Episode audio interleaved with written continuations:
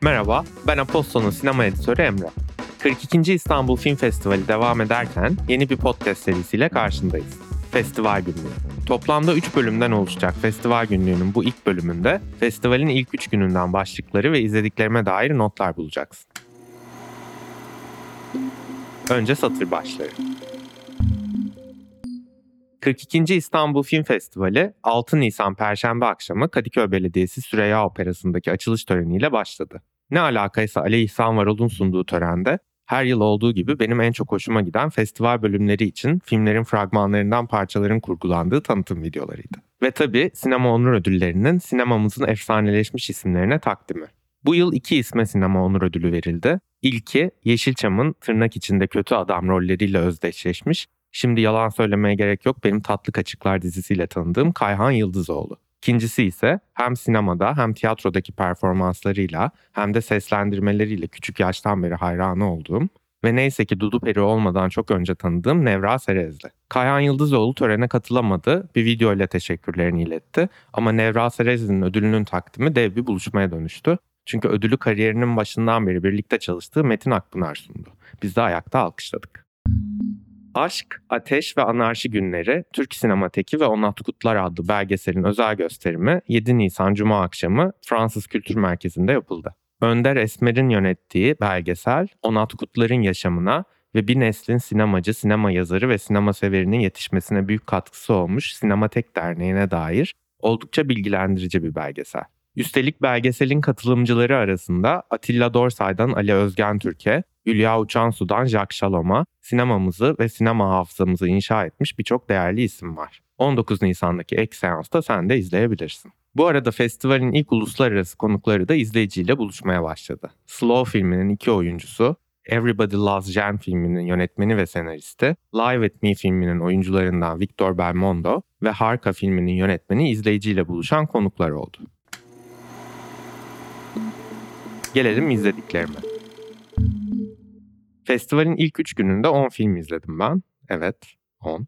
Festivalin açılış filmi olan Charlotte Regan'ın Sundance'den büyük jüri ödülüyle dönen filmi Scrapper, Hırçın bir açılış filmi olarak idealdi bence. Sempatik ve tatlı karakterler, duygusal bir büyüme hikayesi, iyi oyuncu performansları, akıcı ve fazla düşünme gerektirmeyen bir sinema dili ve canlı canlı renkler. Şeker gibi bir film. 12 yaşındaki Georgie annesinin ölümünün ardından sosyal hizmetlere söylediği yalanlar sayesinde Londra'nın banyolarında tek başına yaşamaya başlıyor. Derken Harris Dickinson'ın canlandırdığı babası olduğunu iddia eden bir adam çıka geliyor ve Georgie'nin dünyası değişmeye başlıyor. Yüreğini ısıtacak, yüzünü gülümsetecek, canlı renklerin parladığı görselliği ve yer yer hayalle gerçeğin birbirine karıştığı görüntüleriyle seni büyüleyecek bir film. Önümüzdeki aylarda vizyonda izleyebileceğin Hırçı'nın festivalin galalar bölümündeki gösterimlerine 19 Nisan çarşamba günü için bir ek seans konduğunu da hatırlatayım.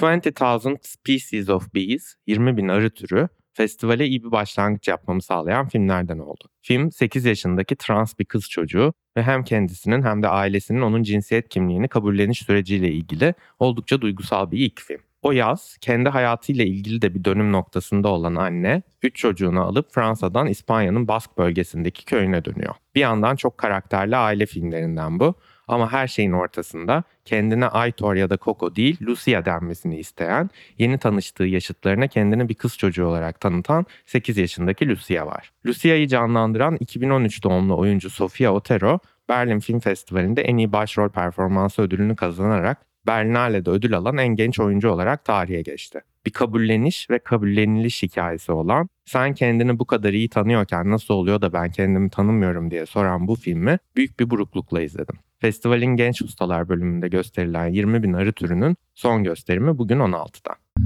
Yine Berlin'den gelen bir film Music, Müzik. Berlin Film Festivali'nde en iyi senaryo ödülü alan filmin yönetmen ve senaristi Angela Chanelek, Almanya yeni yeni dalgasının temsilcilerinden kabul ediliyor. Dünya festivallerinden bölümünde gösterilen Oedipus trajedisinin modern bir yorumu olan barok aryalarla bezeli film, yavaş sinemayı ve sinemada simgeselliği tercih edenlerdensen seni çekebilir. Aksi takdirde izlemesi zor ve ağır bir film olduğu konusunda uyarmalıyım. Festivalde bugün ve haftaya salı iki gösterimli daha bulunan müziğin ayın sonunda Sinematek Sinema Evi'nde yakalayabileceğin Kino 2023 seçkisinde de yer alacağını not ederim.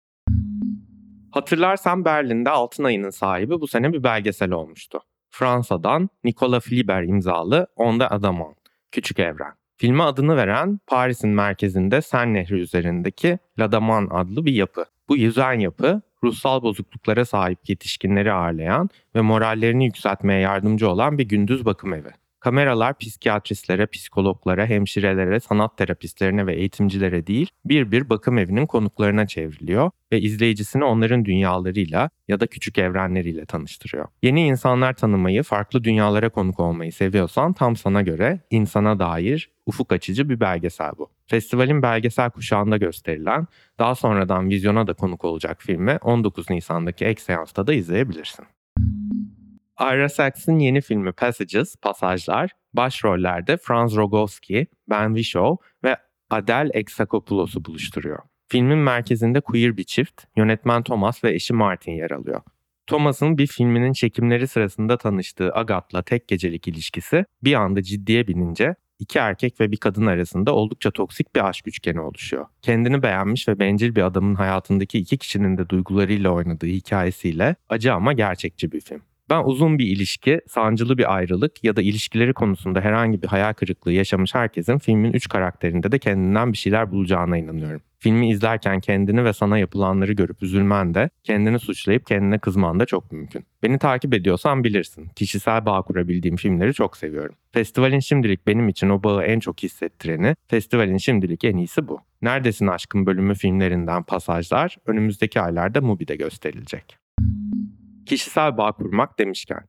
En sevdiğim yönetmenlerden Fransa'nın queer sinemasının öne çıkanlardan Christophe Honoré'nin en yeni filmi Winter Boy, Liseli benim için onlardan oldu. Diğer sinema yazarı arkadaşlarımın çoğunun filmi beğenmeyişini ya da onun nedenlerini anlayabilsem de Honore sinemasının ve Love Songs ile Beautiful Person başta olmak üzere filmlerinin benim için çok özel bir yeri var ve onun sinemasındaki cheesy'likleri, hataları ve eksikleri çok daha kolay görmezden gelebiliyorum. Winter Boy Honore'nin kendi yaşamından birçok iz taşıyan otobiyografik denilebilecek bir film üstelik. 17 yaşındaki Lucas bir trajedinin ardından evinden uzaklaşmak için bir haftalığına Paris'e abisinin yanına gidiyor. Burada hayatı ve kendini keşfetmeye başlıyor. Hiçbir şey için bir an bile geç kalmak istememek, gençlik ateşi ve heyecanı, travmaların üstünü yeni keşiflerle ve geçici zevklerle örtmek. Bunlar sana bir şey ifade ediyorsa sen de sevebilirsin. Filmdeki bazı sahnelerin psikolojik olarak seni zorlayabileceğini not düşeyim. Filmi bugün ve haftaya salı festivalde 28 Nisan'dan itibaren ise Mubi'de izleyebilirsin.